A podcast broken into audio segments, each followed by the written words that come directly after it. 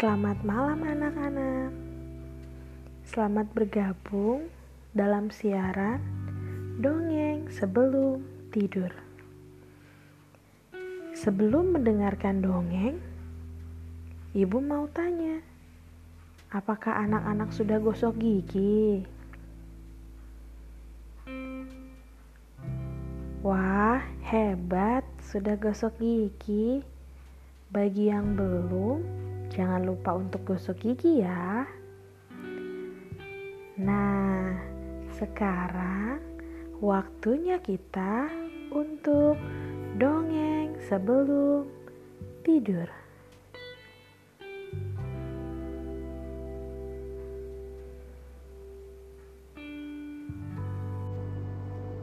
Kali ini, Ibu Uni akan bercerita dengan judul Ikan yang Berbakat plep plep plep plep plep plep. Di dasar lautan yang indah dan tenang, ada sekumpulan ikan yang sedang asik berdiskusi. Mereka berdiskusi tentang penampilan terakhir mereka di pentas seni. Kani, si ikan gembul mengeluh. Aku tuh paling gak suka nih sama pentas seni.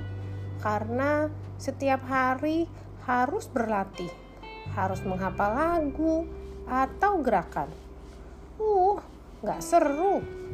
Lebih baik berenang ke permukaan dan bermain-main sesuka hati. Nika, ikan kecil tidak setuju. Kani, padahal menurut aku ini adalah kegiatan yang seru. Bisa bernyanyi lagu baru, bisa menari dengan gerakan baru, bahkan bisa memakai kostum yang beraneka warna. Ah, keren deh pokoknya. Iya sih, kemarin aku juga dengar lagu yang diajarkan guru. Enak juga sih lagunya. Tapi tetap saja, aku kan bukan penyanyi. Aku saja tidak suka dengar suaraku. Apalagi orang lain. Hahaha. Hohoho, ya memang tidak semua orang bisa bernyanyi. Bagaimana dengan menari atau bermain drama? Itu juga asik kan? Aku lihat kamu senang sekali menari. Betul, aku suka menari. Tapi lihat nih badanku yang gembul.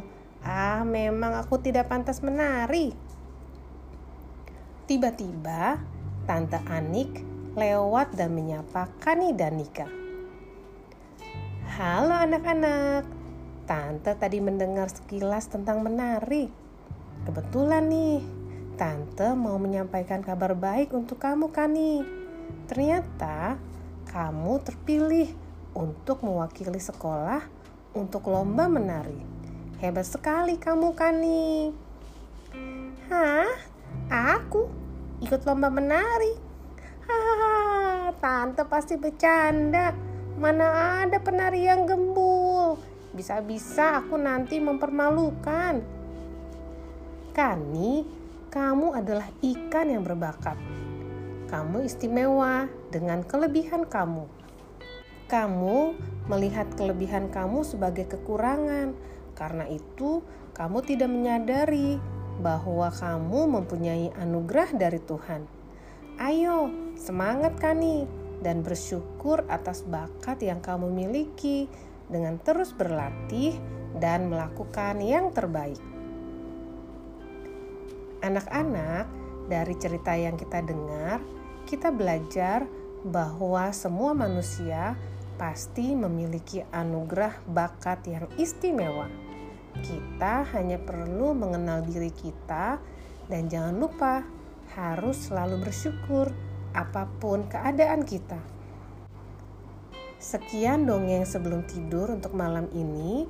Sampai bertemu di dongeng berikutnya. Sebelum tidur, jangan lupa berdoa dulu ya. Selamat tidur, selamat beristirahat. Tuhan Yesus memberkati.